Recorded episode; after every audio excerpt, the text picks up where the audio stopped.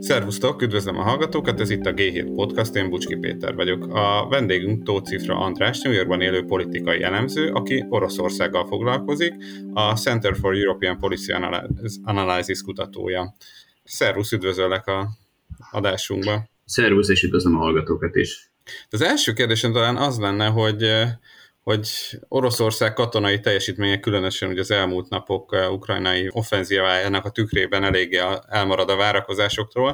A gazdaságról sokkal kevesebb szó esik, és sokkal érdekesebbek a vélemények. Ugye vannak, akik szerint ezek a szankciók nem tudják megtörni ezt az óriási nagy országot, mások szerint pedig hát ez egy eleve nagyon gyenge lábakon álló ország, ami a kőolaj és a földgáz kivitelére épít csak Először ugye tavasszal ilyen 15%-os gazdasági visszaesést vártak a legtöbben, most már ilyen 3%-osat várnak eh, idénre.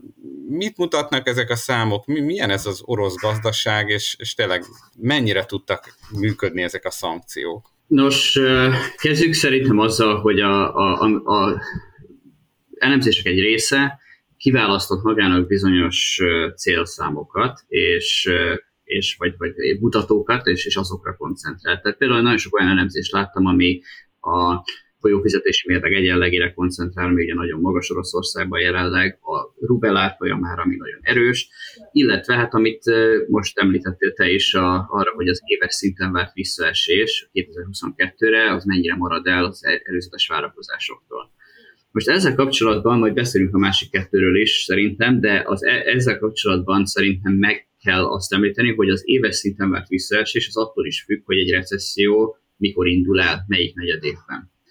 És ebben az esetben ugye arról van szó, hogy a, a, ez a gazdasági visszaesés, ugye a szankciók által kiváltott gazdasági visszaesés, ez úgy nagyjából a második negyed évben indult el, de igazából még uh, akkor sem. Tehát talán inkább a harmadik negyed évben lesz az, amikor a szankciók kumulatív hatása annyira erős lesz, hogy ez meglátszik a, a, a, a gazdaság teljesítménye. Ha ezt figyelembe vesszük, akkor a, a, a második negyedében elinduló recesszió, ami idén mondjuk 4-5 os visszaesést jelent, ugye tudom, hogy ennél vannak alacsonyabb, meg vannak magasabb beszélések is, de most tegyük föl 4-5 os visszaesés.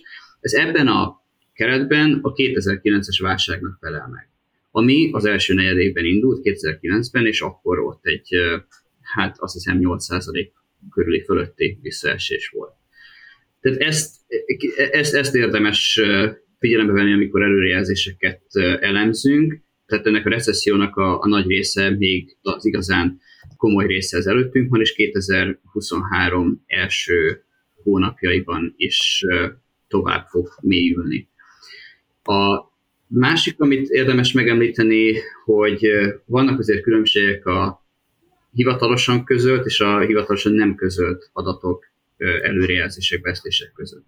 Most a múlt héten például a Bloomberg által közzétett egy állítólagos orosz belső kormányzati anyag szerint három forgatókönyvvel dolgoznak az orosz kormányban. Ez úgynevezett tehetetlenségi forgatókönyvben a visszaesés 8,3%-os lesz a 2021-es teljesítményhez képest, tehát ez, amit mondtam az előbb a 2009-es válsághoz hasonlíthatóan, de 2023-ban jelentkezik, csak ez 2023 elején.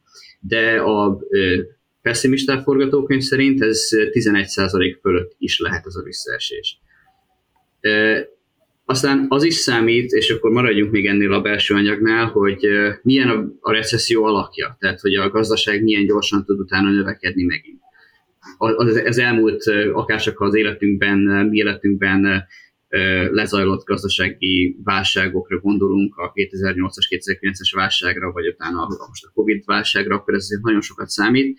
A, közepes szenárió, tehát a tehetetlenségi forgatókönyv ebben a dokumentumban azt jelenteni, hogy a gazdaság, az orosz gazdaság 2028-ra éri majd el a 2021-es állapotát. És mondom, ez a közepes forgatókönyv, tehát a pessimista szerint például 2030-ra sem éri még el a 2021-es állapotát, és ugye azt is vegyük figyelembe, hogy már ez a 2021-es állapot is a 2014 óta tartó stagnációval együtt, a Covid-válsággal együtt, lényegében ez egy együtt több évtized teljesen elvesztett növekedést jelent. Igen, mert 2021-ben pont a 2010-es GDP-t ért el nagyjából az orosz gazdaság. Így van. Tehát ez egy, ez egy, ez egy ö, ö, olyan recesszió most, ami egy ö, ö, alapvetően gyenge, vagy hát inkább mondjuk azt majd ebbe is gondolom, belemegyünk később, a potenciálja alatt teljesítő orosz gazdaságot éri. És hogyha most kicsit mélyebb rásuk ezekben a számokban, akkor ugye látjuk azt például, hogy a kiskereskedelmi áruforgalom például, ami hát mondjuk egy, egy, egy jó jele annak, hogy a, a, a, az állampolgárok ugye mennyire hajlandóak költeni, mennyire tudnak költeni. Ez idén beszélések szerint 8-9%-ot eshet. Ez egyelőre, egyelőre még a városokban jelentkezett, de ugye azért ott, mert ott van az embereknek elköthető jövedelme, Egyébként a reáljövedelmek már évek óta vagy stagnálnak, vagy esnek, és a Covid-válság ugye ezen nem, nem, nem igazán, meg, az, az, meg a Covid-válság által kiváltott infláció Oroszországban ezen nagyon nem segített. Ez látható abból is például, hogy növekednek a fogyasztási hitelek elmarad, növekedett a fogyasztási hitelek elmaradásainak az összértéke. Nyilván ezen tud valamennyire a kormány segíteni, támogatásokkal, célzott támogatásokkal, csekekkel, stb. De egyelőre ezt nem tud, ezt, ezt, a fogyasztási visszaesést, a reáljövedelmek csökkenését, ezt nem sikerült megállítani. Talán itt még érdemes arra kitérni, hogy Oroszországra sokan egy nagy országként gondolnak, pedig azért nagyon nagy különbségek vannak a, a jövedelmekben, meg a gazdaság szerkezete között, tehát mondjuk egy Moszkvában van miből visszaesni, de tényleg egészen megdöbbentő, hogy milyen eh, nélkülözés van a legtöbb vidéki területen. Tehát ez mennyire befolyásol, és mennyire eltérők itt a dinamikák, tehát mondjuk Tatárföldön, ahol nagyon erős az autóipar, vagy mondjuk Szentvételre várom Moszkvába azért erős informatikai cégek vannak, tehát ezt már így lehet látni, hogy itt mondjuk a belső feszültségek ezáltal felerősödhetnek, hogy bizonyos régiók, amik inkább belső piacra dolgoznak, ott kevésbé érezhetők, vagy állami megrendelésekre, még mondjuk más olyan területek, amik a külföldi gazdaságnak kitettek, azok, azok sokkal jobban megérezhetik ezt. Igen, természetesen vannak ilyen különbségek. Most ugye itt először is beszélünk akkor arról, hogy itt valóban nagyon nagy különbségek vannak az egyes oroszországi régiók között. És nem csak a, a, arról van szó, hogy, hogy, hogy melyik régió milyen piacra termel, de, de, de arról is van szó, hogy, hogy a gazdag, a gazdag régió, ami, hogy mondjam, ami ezeket a, a, az által termelt jövedelmeknek a nagy, egy nagy részét ott helyben fel tudja használni, kevés van, hogy tartalékot tud ebből képezni, olyan kevés van, azért, mert az orosz költségvetés rendkívül központosított. És, és emiatt, ahogy, ahogy, ahogy, ahogy most említetted is, ugye nyilván mondtam, a városokban csökkent elsősorban a, például a kiskereskedelem, a gazdagabb, fejlettebb régiókra, amelyek jobban exportképesek, jobban hatott e, e, eddig ez a, ez a gazdasági visszaesés, jobban hatottak a szankciók. Ha egy olyan régióról beszélünk, például ami Csecsenföld, ahol a, a régió bevételeinek a nagy része az a, a szövetségi költségvetésből jön, jött eddig is, ott ez a, ez a régió ez nem, nem igazán fogja megérezni ezeket a, ezt a, ezt a visszaesést az, elején, mert a, ameddig a szövetségi költségvetés tudja rubelben um, fizetni ugyanazokat a támogatásokat, amiket eddig, addig ezeknek a, a régióknak tulajdonképpen nincs nagyon mitől tartaniuk, mert azokat a, a kiadásokat, amelyeket a régió költségvetéségből fedeznek, ami elsősorban egészségügy, oktatásügy, szociális támogatás, bizonyos helyi beruházások, azokat tudják finanszírozni. De azokban a régiókban, ahol mondjuk e fölött volt fölös bevétel, vagy több exportra termelő vállalkozás volt helyben, ott ezt jobban érzik. Most az eddigi ö, szankciók egyébként ugye ö, nem érintettek minden iparágat egyaránt, tehát ezt lehet látni az ipari termelési adatokból, amiket a, az orosz statisztikai hivatal közzétesz, hogy ö, hol vannak nagyobb visszaesések. És ö, az első nagy áldozata a szankcióknak az az autógyártás volt, ami ugye ö, például ö, ugye ismerjük Szamarai régióban a az Avtova az, ami ladákat gyártja, aztán a Moszkvához közeli Kaluga régióban, Kaliningrádban, ahol, um, ahol, ahol, ahol uh, nyugat-európai gyár volt, itt vezetett komolyabb visszaeséshez. Aztán um, uh, ugyanez a, a faipar, ez Észak-Nyugat-Oroszországban főként vezetett komolyabb visszaesésekhez. Itt nem csak, itt ugye arról is van szó, nem csak a szankciókról magukról, hanem hogy milyen vállalatok vonulnak vonultak ki maguktól Oroszországból.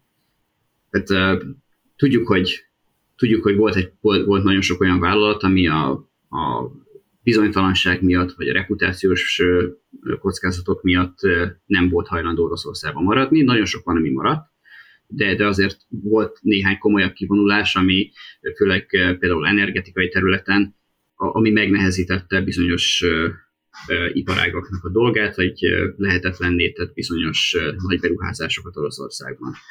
És ezeknek még az egyelőre csak az elejét látjuk, majd gondolom beszélünk a, az energetikáról külön is, de, de, de azok az iparágak, amik eddig, hát ha nem, nem is összeomlottak, de, de nagyon komoly visszaesésekkel néztek szembe, azok ezek amiket említettem. Hát igen, itt külön érdemes kitérni a kőolaj és földgáziparra, ami ugye az orosz eh, központi bevétel, tehát a szövetséges államnak a bevételeinek a 30-40 százalékát szokta adni, és ugye itt hát eh, vannak Magyarországon főleg népszerű gondolat, hogy hát hogy Európa magát lábon lőtte a szankciókkal, hát az oroszoknak a megnőtt gázárak miatt eh, ugyanúgy van bevétele, nekünk meg drágább. Ugye pont most kezdett esni a, a gázára, és ugye látszik, hogy a világvezető országai beve, a g be akarnak vezetni egy ilyen uh, árplafon tulajdonképpen az orosz uh, kőolajra és földgázra, tehát hogy oké, okay, hogy eddig ez így működött, és hogy ennek milyen hatása lesz, hogyha ha ez az ár ez sikerül lejjebb nyomni, és a másik kérdés ugye az, hogy ez rövid távon hatékony, de ugye nagyon sok szankció pont olyan dolgokat érint, ami csak hosszú távon működik. Hát a kőolaj és földgáziparban is Oroszország nem rendelkezik semmiféle technológiával, amivel meg tudnák valósítani azokat a beruházásokat a feltárástól a finomításig, az exportban mondjuk, hogyha LNG terminálokat szeretnének, a kőolajvezetékek, tehát ugye ezeket a földgázvezetékek, ezt mind európai technológiával építették, tehát hogy ilyen szempontból ez, ez hosszabb távon milyen hatással lehet, és rövid távon mi várható ezzel a, ezekkel a bevételekkel. Igen, megint, ha csak egy kicsit távolabbról tekintünk el a, a, a számokra, akkor ugye számszerűsíthetően jobban fáj Oroszországnak, a, az, az, az Európának szankció, szankciók Oroszországnak, mint Európának. De például most csak ha megnézzük a, a Kiel intézet közé, tehát most a, talán a múlt héten egy beslést arról, már a, az északi áramlat gázvezeték teljes leállítása után, hogy mennyivel esik vissza, vagy mennyivel esett vissza a német gazdaság, ők 1,4%-os növekedést vártak idén, 0,7%-os visszaesést jövőre, és aztán 2024-ben már újra növekedést. Most ez nagyon messze van attól a visszaeséstől, amit ez, ez pár perc említettem Oroszországgal kapcsolatban. De nem ez a lényeg feltétlenül. Hanem amit látunk, az egy, hát mondjuk úgy egy gyávanyúl verseny. Kinek mikor fáj, hol, és ez mennyire veszélyt jelent politikailag. Mondok két példát erre. Az egyik egy, egyik európai, a másik pedig ö, orosz.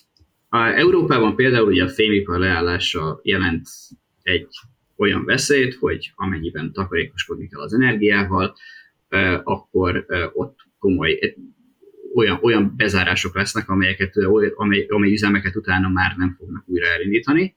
Ez elbocsátásokhoz vezet, és ugye nyilván ez politikai nyomást jelent, illetve egy, van egy lobby ereje ennek a szektorban. És ezt a félelmet hogy Oroszország ki is használja. Kommunikációjában, abban, hogy hogyan fenyeget, mivel fenyeget. Oroszországban, amit látunk azzal kapcsolatban, hogy mi lehet a, a szankciók következménye az olaj- és gázszektorban, mert ugye ne felejtsük el, hogy például az olajszankciók még nem létek életbe, az a szénbányászatban látszik. Tehát az orosz ének kapcsolatos szankciók, azok most a nyáron már hatályba léptek, és ezek nem csak a orosz szén behozatalára behozatalát tiltják, hanem szankcionálják a, az orosz szén tengeri szállítását is például, az a kapcsolatos biztosítást. Emiatt például az orosz szén export az júliusban teljesen leállt. gyakorlatilag, mert egyszerűen nem lehet, vagy nem találtak még rá megoldást az oroszok, hogy hogyan lehet ezt a szenet tengeri úton biztosítás nélkül elvinni máshova, tehát nem Európába. Itt látszik például, hogy mennyire egymásra épülnek, mennyire kumulatívak ezek a szankciók. Ugye lehetne a szenet vasúton is szállítani, de a transzibériai vasút kapacitása már évek óta túl gyenge, ahhoz képest, hogy mennyi szenet akarnak exportálni Oroszországból. Ennek a kibővítését ugyancsak a szankciók miatt, a technológiai a szankciók, technológiát érintő szankciók miatt nem lehet megoldani. Ugyancsak emiatt, ezek miatt a szankciók miatt a tehervagonok, egy, a létező tehervagonok egy, egy, egy jelentős része kieshet a, a, használatból, mert nem tudják őket karbantartani. És ezek utána ezek a szankciók átkerülnek a, a, a, ugye, ezek a szankciók hatással lesznek a fém iparra, ezek a szankciók hatással lesznek az építőiparra, ami ugye a fémiparon keresztül. Tehát ezek egymásra épülő negatív hatást hoznak létre, de ez időbe telik. Európában viszont ez most viszonylag közeli jövőben lehet fájdalmas. Ami a gáz és az olajárat jelent, és akkor erről beszéljünk külön, ugye, a, ugye említettük az ársapkát, a, ugye az ársapka, az ársapkával kapcsolatban van egy, van egy olyan félelem, hogy ezt nem lehet, nem lehet keresztülvinni, vagy nem lehet a gyakorlatban ellenőrizni, hogy, hogy valóban betartják-e.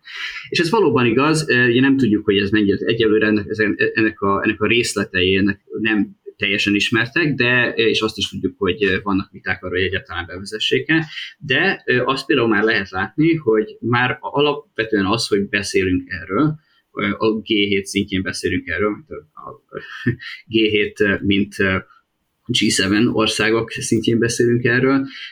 Ez javítja például India piaci pozícióját, mert még akkor is, hogyha India most azt mondja, hogy ő nem vesz részt ebben az ársapkában, ez egy gyakorlatilag zsarolási potenciál Oroszországgal szemben.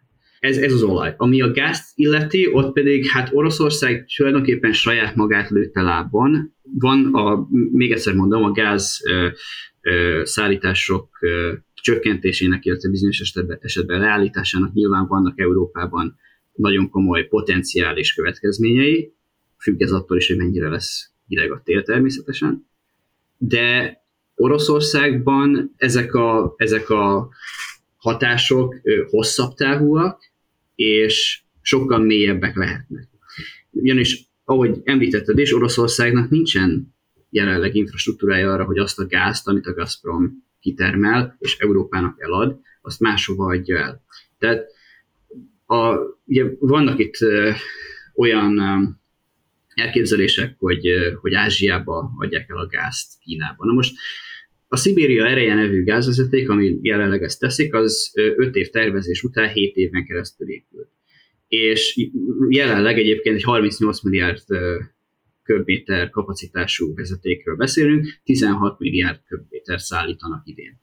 Tehát még ez, ez, ez, a, ez a vezeték sincsen kapacitásánál.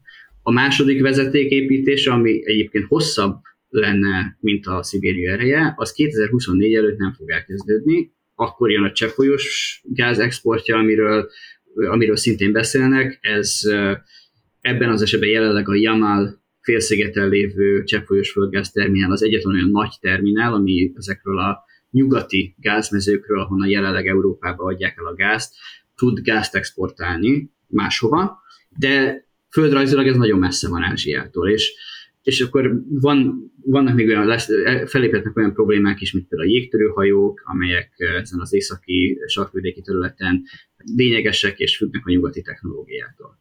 És, és hát azt, ne higgyük azért azt se, hogy Oroszország a gáz területén például nem szembesül belföldi kockázatokkal, hasonlókkal, mint az európaiak. Ugyanis a Gazprom hiába egy a viszonylag aránylag kisebb hozzájárulója az orosz költségvetésnek, mint, a, mint, a, mint az olajvállalatok, nagyon fontos funkciót tölt be. Tehát például az egyik ilyen funkció az az, hogy, hogy, hogy a, a nyomott belföldi gázárakon keresztül az orosz állam gyakorlatilag támogatást nyújt a lakosságnak, tehát hívjuk ezt az orosz csökkentésnek. és, és amennyiben, ezt, amennyiben a Gazpromát a kitermelt gázt ezek miatt az infrastruktúra problémák miatt, meg az Európát érintő energia zsarolás miatt nem tudják külföldre eladni, akár éveken keresztül, akkor nagyon valószínű, hogy a belföldi gázárakat kell majd emelni, azért, hogy csökkentsék az ezzel kapcsolatos veszteségeket, és állítólag erről már augusztus végén volt szó egy orosz kormányülésen, ez azért nagyon komoly negatív érzelmeket tudnak kiváltani Oroszország. Igen, azért az orosz feldolgozóipar és bányászati ipar nem igazán tudna versenyképes lenni azért annyira a világpiacon, hogyha nincsenek nyomott energiaköltségek, és ugye az nagyon nagy Oroszország, ami jól hangzik, hogy rengeteg bánya van, de tök, több ezer kilométerre kell szállítani a kikötőkbe a szenet és a vasércet, ami mondjuk ahhoz képest, hogy Ausztráliába, vagy Dél-Afrikába, vagy Brazíliába ez sokkal olcsóbban megoldható. Ez elég érdekesen átalakul, ha mondjuk a vasúti szállításért is sokkal többet kellene fizetni a megúró energiaköltségek miatt. Pontosan így van, igen.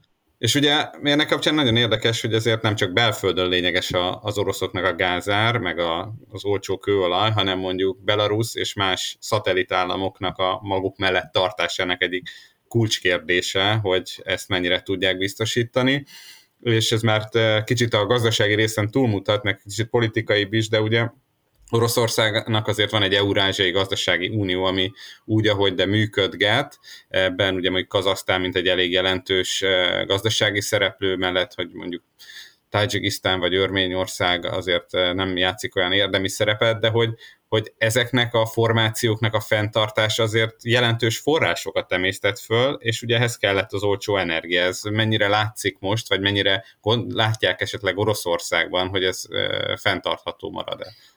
Tehát vannak olyan országok, ahol Oroszországnak egyszerűbb a helyzete a Eurázsiai Gazdasági Unión belül, nem azért, mert, mert meg könnyebben fenntartható az olcsó energiaár, hanem azért, mert egy országnak a, vezetős, a vezetése az az oroszokra van utalva. Tehát például ugye Belarus esetében erről van szó, hogy van egy tehát valóban éveken keresztül az olcsó gázár volt az egyik legfontosabb, és nem csak gáz, hanem a, a, a, az olaj exportnak a szerkezete, ami ugye lehetővé tette azt, hogy a, a Belarusban található finomító az olcsó orosz olajat, olajból finomított olajtermékeket drágán exportálják.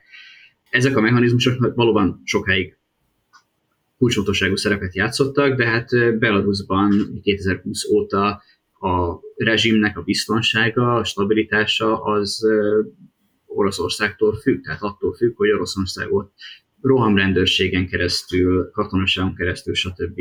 lehetővé teszi azt, hogy a Lukashenko eh, rezsimje bizony, bizonyos fokú biztonságot érezzen. Ilyen, ilyen körülmények között Belarusnak nem azt mondom, hogy semmiféle eh, választási lehetősége nincsen, vagy manőverezési lehetősége nincsen, de azért jóval kevesebb, mint korábban. Örményországgal hasonló a helyzet, ugye ott szintén egy katonai szövetségről beszélünk, egy olyan régióban, ahol, ahol, ahol Örményország egy gyakorlatilag egy aktív hadviselést kényszerül folytatni, ugye a hegyi Karabakban, ahol orosz békefenntartókat küldtek be a 2020-as háború után, és, és, és, és nehéz, tehát a, földrajz miatt is, illetve a, a, az örmény állam teljesítő képessége miatt is nehéz alternatívákat találni. Kazaksztán esetében azért más a helyzet, hiszen egyrészt egy nagyobb országról van szó, egy olyan országról van szó, ami stratégiailag fontos nem csak Oroszországnak, hanem például Kínának is.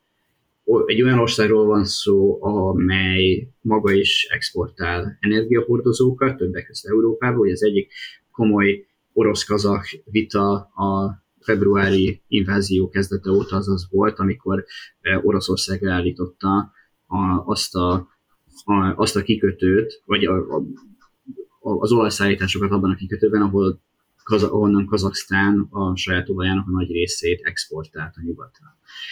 E, és e, mindez azért volt, mert a kazak kormány az Oroszországgal kapcsolatos szankciók miatt növelni akarta a saját energia exportját, és egyrészt, másrészt meg azért, mert nem csatlakozott Oroszországhoz az ukrajnai háborúval kapcsolatos mondjam, nézőpont átvételében. Tehát emlékszünk arra, hogy a kazak elnök Kasim Zsomar Tokajev Vladimir Putyin mellett ülve egy a Szentpétervári gazdasági fórumon kereken megmondta, hogy Kazasztán nem fogja elismerni a két Oroszország által függetlenként elismert kelet-ukrajnai bábállamot. Ezért az orosz-kazak viszony nagyon feszül, de ennek elsősorban nem az az oka, hogy, hogy, hogy Oroszország mennyire tud olcsó energiát nyújtani, hiszen Kazasztának erre nincs szüksége, hanem egyszerűen a háború felborított egy csomó olyan megállapodást, olyan létező struktúrát a két ország viszonyában, amit ami korábban működött, és most meg már nem működik. Igen, a, ha már a háború és a fegyverek szóba kerülnek, gazdasági szempontból ugye Oroszországban kevés exportképes dolog van a, a kőolajon és a földgázon kívül. Ezek egyike ugye az a hadianyag, fegyverek szállítása. Világszinten is egy jelentős exportőrnek számított Oroszország. Itt egyrészt a mutatott nagyon gyenge teljesítmény hatására mit lehet várni, hogy lesznek-e vásárlók, meg azért lehetett ilyen híreket hallani, hogy már el is álltak bizonyos országok bizonyos megrendelésektől. Másrészt pedig, hogy egyetem fenntartható ez nyugati export nélkül, tehát a, a high-tech és a, különösen a, a chipekre kivetett korlátozások mellett létezhet-e ez az iparág egyáltalán az országban? Hát egyel, egyelőre igen.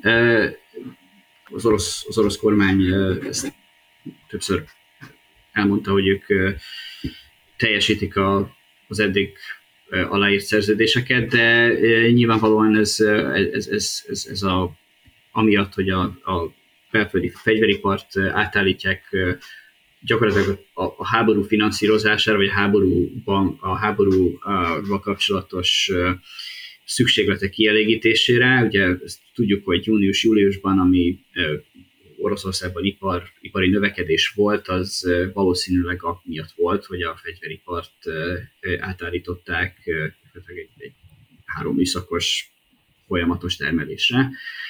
A milyen ütemben veszíti Oroszország a fegyvereket és a katonai felszerelést Ukrajnában, itt azért egy, hozzá kell tennem, hogy én nem vagyok katonai szakértő, ez, tehát most ez nem a, a, a saját értékelésem, csak a, megbízható katonai szakértők által, által végzett, végzett elemzéseknek az eredményét tolmácsolom. Tehát amilyen ütemben veszíti Oroszország a, a, a fegyvereket Ukrajnában, az év végére nagyon sok fajta lőszer, rakéta, precíziós rakéta, stb. kimerülhet. Ez, ez ugye az egyik, az egyik korlátja ennek a, a fegyver export folytatásának. A másik nyilván, amit, amit említettél is, a technológiai problémák. Tehát ugye elsősorban a, a, a, arról van szó, hogy, hogy modern fegyvereket bizonyos mikrocsipek, félvezetők nélkül nem lehet készíteni.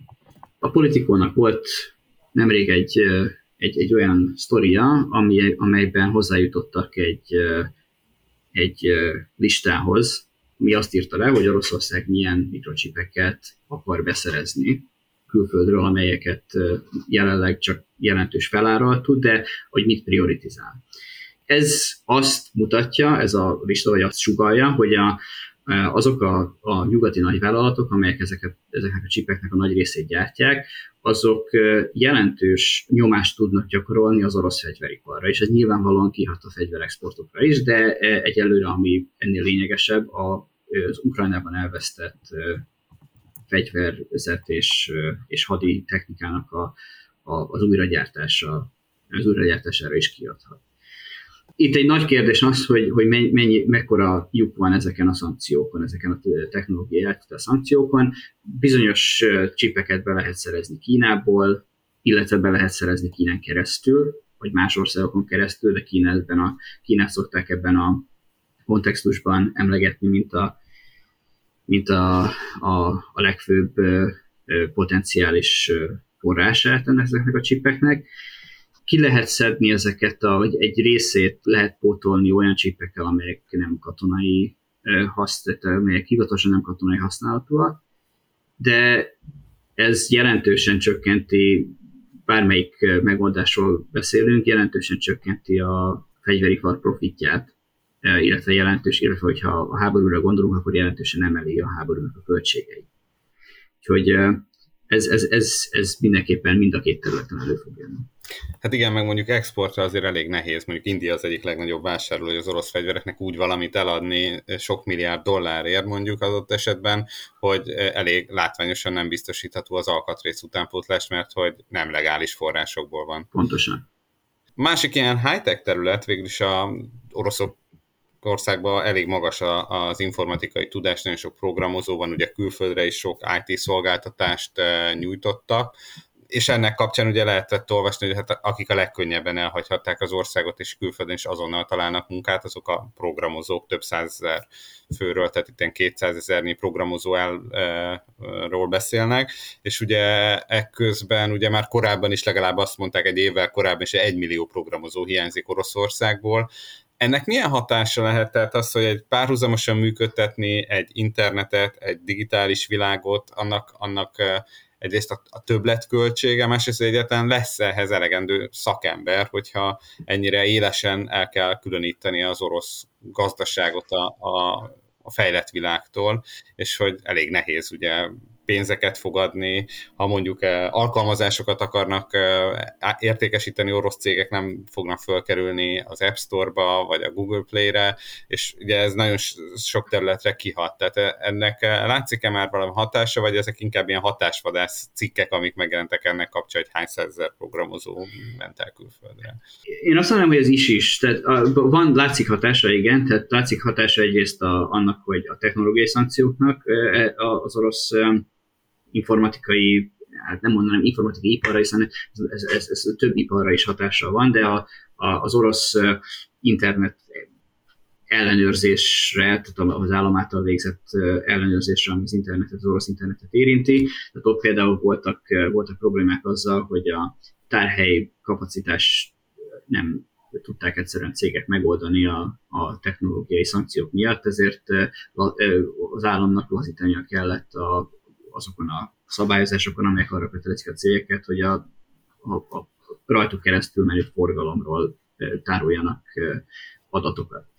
De, de, de, de rengeteg ilyen, rengeteg ilyen példa van, tehát a, a, a, amely azt mutatja, hogy komoly problémák léphetnek föl, illetve bizonyos tekintetben már vannak. A, a, ha most csak az applikációkat nézzük, akkor Oroszország megpróbálta a saját belföldön fejlesztett applikációjával, a YouTube-bal helyettesíteni a YouTube-ot, és a, a, a jó tudom, akkor ez, a, ez az applikáció aztán nem került fel az App Store-ba, mert hogy ugye voltak rajta olyan a, a, a YouTube ugye közvetített olyan tartalmakat, amelyek máshol, más országban szankcionáltak minősültek.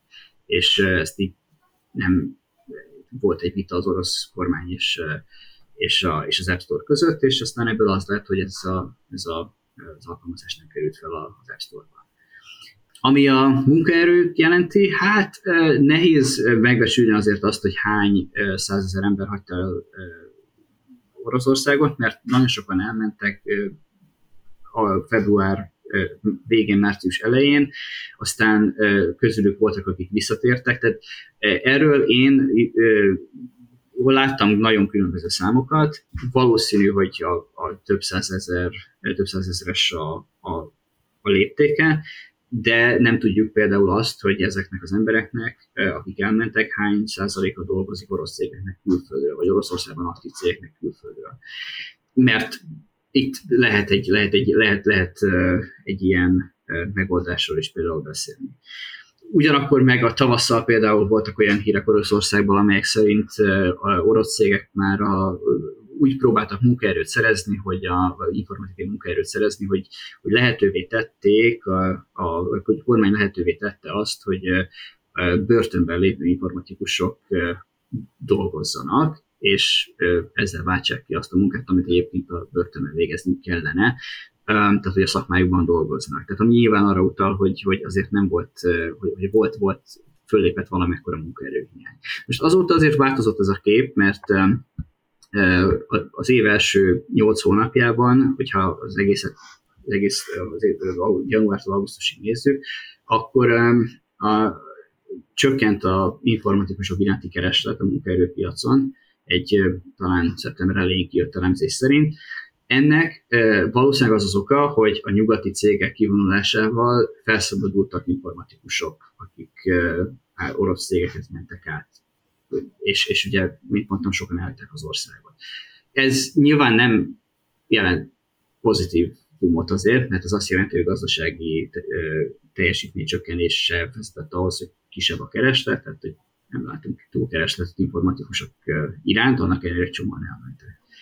A kormány februári invázió kezdete óta többször próbálta visszacsábítani az informatikusokat egyébként, ami szintén arra utal, hogy, hogy értékelik ezeket, azt a szaktudást, ami most kikerül Oroszországból, tehát informatikusok számára például sorozás aluli mentességet sorozás aluli mentességet ígértek, olcsóbb lakáshiteleket ígértek, de ez nem feltétlenül elég ahhoz, hogy, hogy, hogy visszatérjenek egy olyan gazdaságba, amelyben a keresetek valószínűleg jelentősen csökkennek, legalábbis a privát szektorban majd, és, és ahol egyre meghatározóbb lesz az állam szerepe, egyrészt a megrendelések tekintetében, másrészt pedig a, a forrás, gazdasági források elosztásában.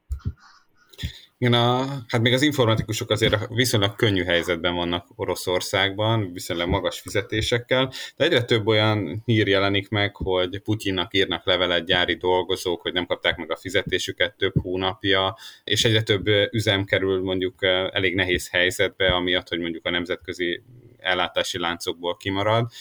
Milyen hatása van ennek? Hát az Oroszországban ugye azt, hogy az életszínvonal nem nő, az gyakorlatilag adottság az elmúlt, hát lassan egy évtizedben, tehát 2009 óta nem sikerült úgy talpra állni.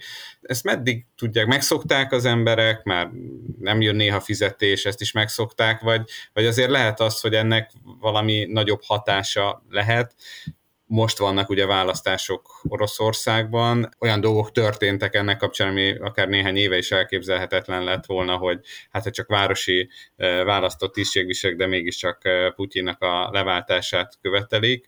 Valami elindult ezzel kapcsolatban az emberekben, hogy azért rossz irányba mennek, vagy, vagy ezek azért inkább csak kiragadott példák, amik, amik nem reprezentálják ezt a társadalmat?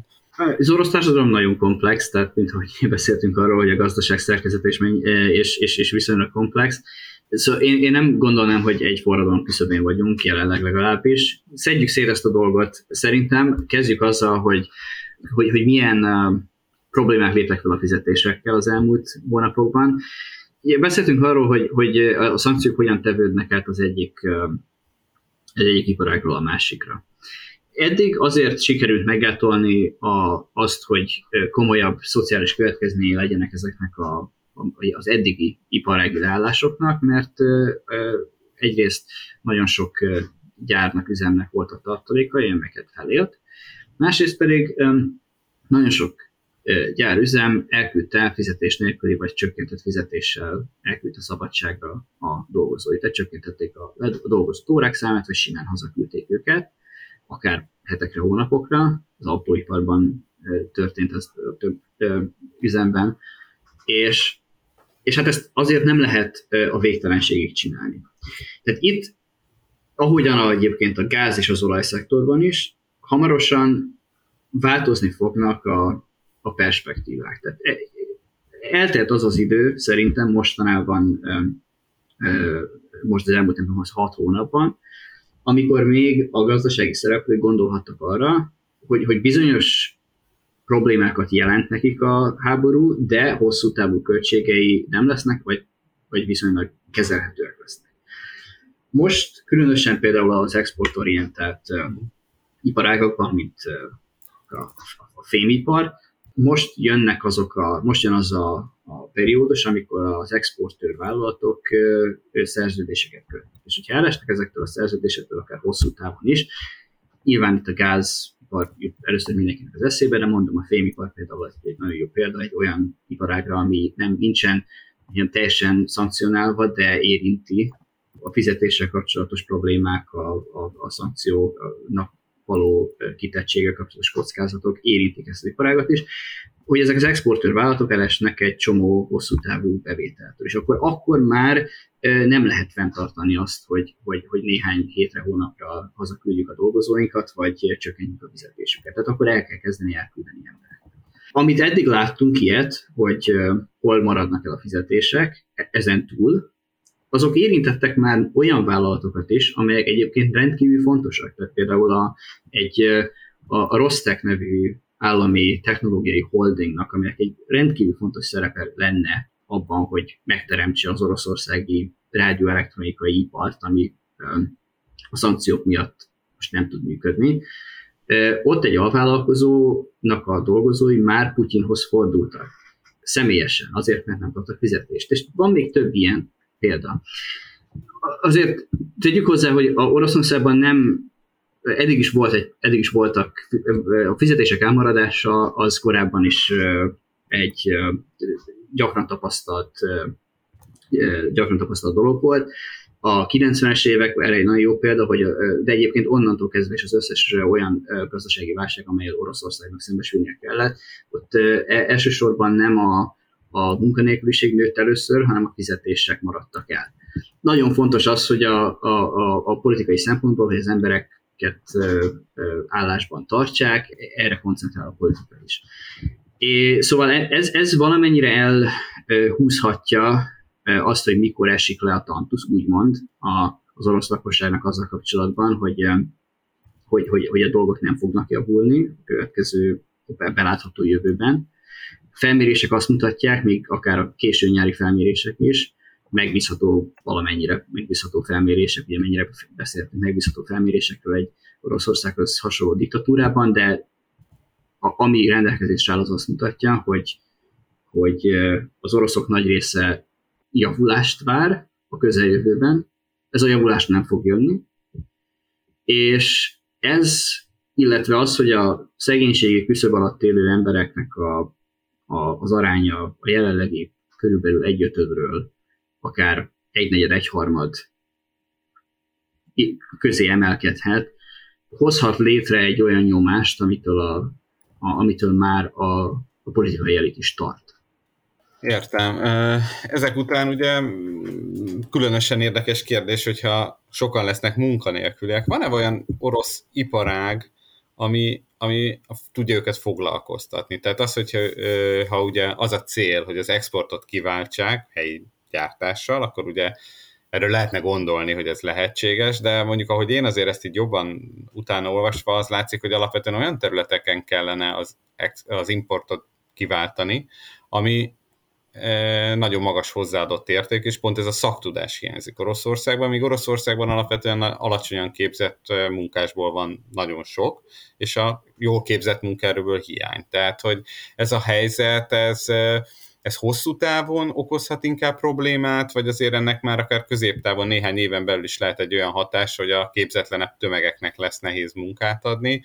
A képzetlenek, a képzetleneknek amíg amíg Oroszországban a költségvetésből rubelt tudnak fizetni, akár a regionális költségvetéseken keresztül, akár közvetlenül, én úgy gondolom, hogy, hogy mindig lesz annyi esélye arra, hogy valamilyen munkában, valamilyen munkahelyen munkája legyen, hogy ne legyen ezen a területen tömeges munkanélküliség. Tehát én nem, én nem hiszem, hogy ennek már rövid vagy középtávon valami komolyabb szociális felkelés, vagy valami komolyabb probléma lenne abból, hogy, a, hogy, hogy, hogy egy, egy csomó képzetlen, vagy egy képzetlen munkaerő nem talál munkát magának. Tehát jelenleg, ez a, jelenleg az, a, a, az orosz kormány többek közt ugye egyrészt a fegyvergyártás felpörgetésével, már amennyire ez a jelenlegi körülmények között lehetséges, e, másrészt e, olyan munkákkal, mint például útépítés, vagy az építőipar e, állami támogatása próbál